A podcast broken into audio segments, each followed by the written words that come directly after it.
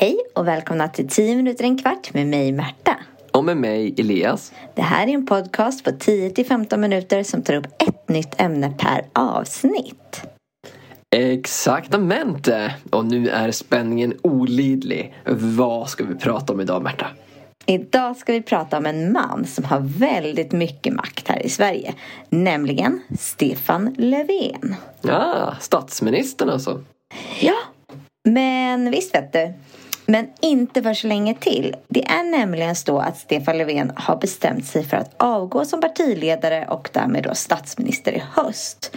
Men då behöver ju vårt land Sverige en ny statsminister och partiledare för Socialdemokraterna.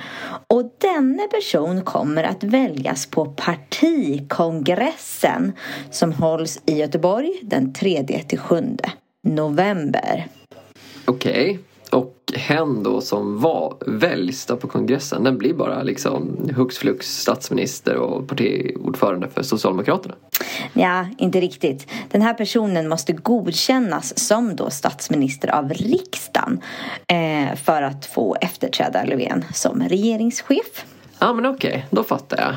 Men eh, det här är ju något som ska komma. Men för att eh, avgå då måste han ju ha varit partiledare ett tag nu.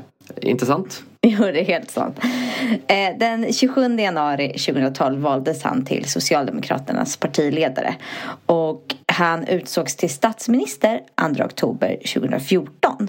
Och tillträdde då som Sveriges statsminister den 3 oktober eh, 2014. Okej, okay, men då har han ju hängt med ganska länge då. Nio år som ordförande för Socialdemokraterna om jag inte räknar fel. Och typ sju år som statsminister. Mm. Eh, precis. Och innan han blev minister så har han ju varit bland annat förbundsordförande i fackförbundet IF Metall. Okej, okay, men hur gammal är han egentligen? Ja, det blir väl en liten räkneuppgift tänker jag för er som lyssnar. För här kommer det. Jag ska ta lite Löfven-historia nämligen. Han föddes 21 juli 1957. Det är alltså räkneuppgiften. 1957 till och med nu. Hur gammal är han? Han föddes i Hägerstens församling i Stockholm och hans fullständiga namn är Kjell Stefan Löfven. Okej. Och då kommer jag inte avslöja hur gammal han är. Men hur var hans uppväxt i Hägersten då? Ja, alltså han växte inte riktigt upp där. Utan ni som lyssnar och som känner till Stockholm vet att Hägersten är en del av Stockholm. Och han är född i ett område som heter Aspudden.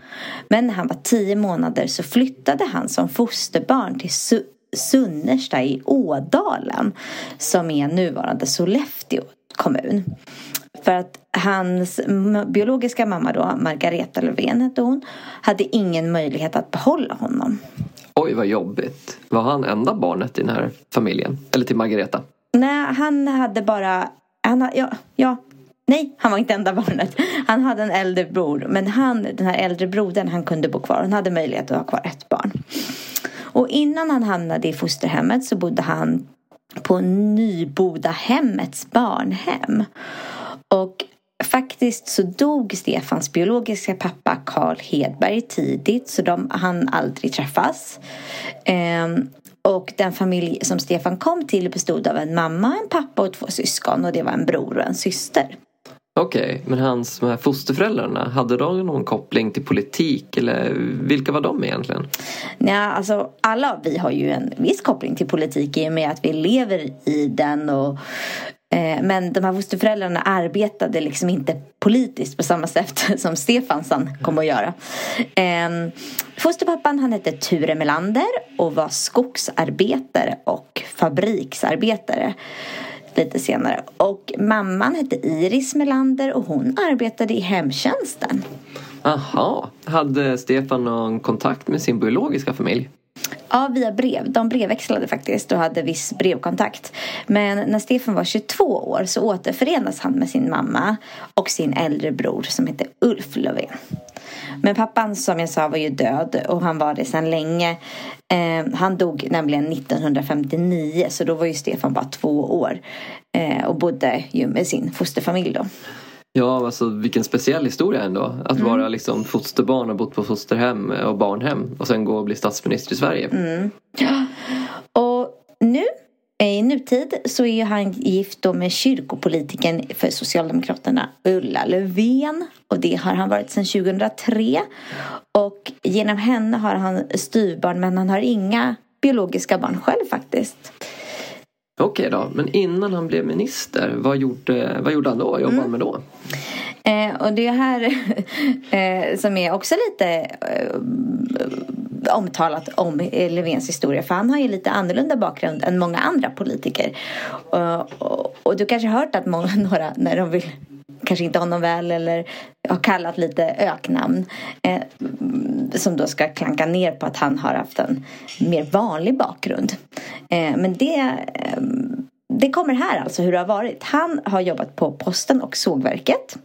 Sen anställdes han som svetsare på eh, försvarsindustriföretaget Hägglund och Söner i Örnsköldsvik. Och här träffar han Ulla. Och han var kvar på det här, det här eh, företaget i 16 år ungefär. Oj, det är ju väldigt länge. Mm. Och sen har han genom åren haft många fackliga uppdrag. Eh, 2001 valde Stefan Löfven till biträdande förbundsordförande för IF Metall. Det sa jag kanske i början där. Och, sen, eh, och senare så valdes han till förbundsordförande för samma eh, ja, IF Metall helt enkelt. Eh, så att eh, ja, det var det Löfven-historien som jag hade idag helt enkelt. Ja, vi som har gjort den här podcasten heter Elias och Märta och det är en podcast som är gjord i samarbete med vikarielärare. Till den här podcasten finns det arbetsmaterial och lärarhandledning som ni kan använda innan, under och efter ni lyssnar på podden. Det här materialet hittar ni på vår hemsida på www.vikarielärare.se. Gå in under fliken för lärare. För att logga in där så behöver du ett lösenord och det får man här. Det är alltså vikarielärare med litet V.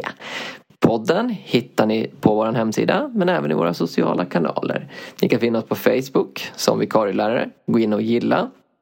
Och ni kan finna oss på Instagram som vikarielärare. Gå in och följ oss. Både på Instagram och vikarielärare och på Facebook finns vi också under namnen Lärarnas kunskapsbank och Kunskapsbanken. Där jag tycker ni ska bli medlem i gruppen på Facebook och följa Instagram-sidan Kunskapsbanken. Tack så mycket! Tack, hej. Hej.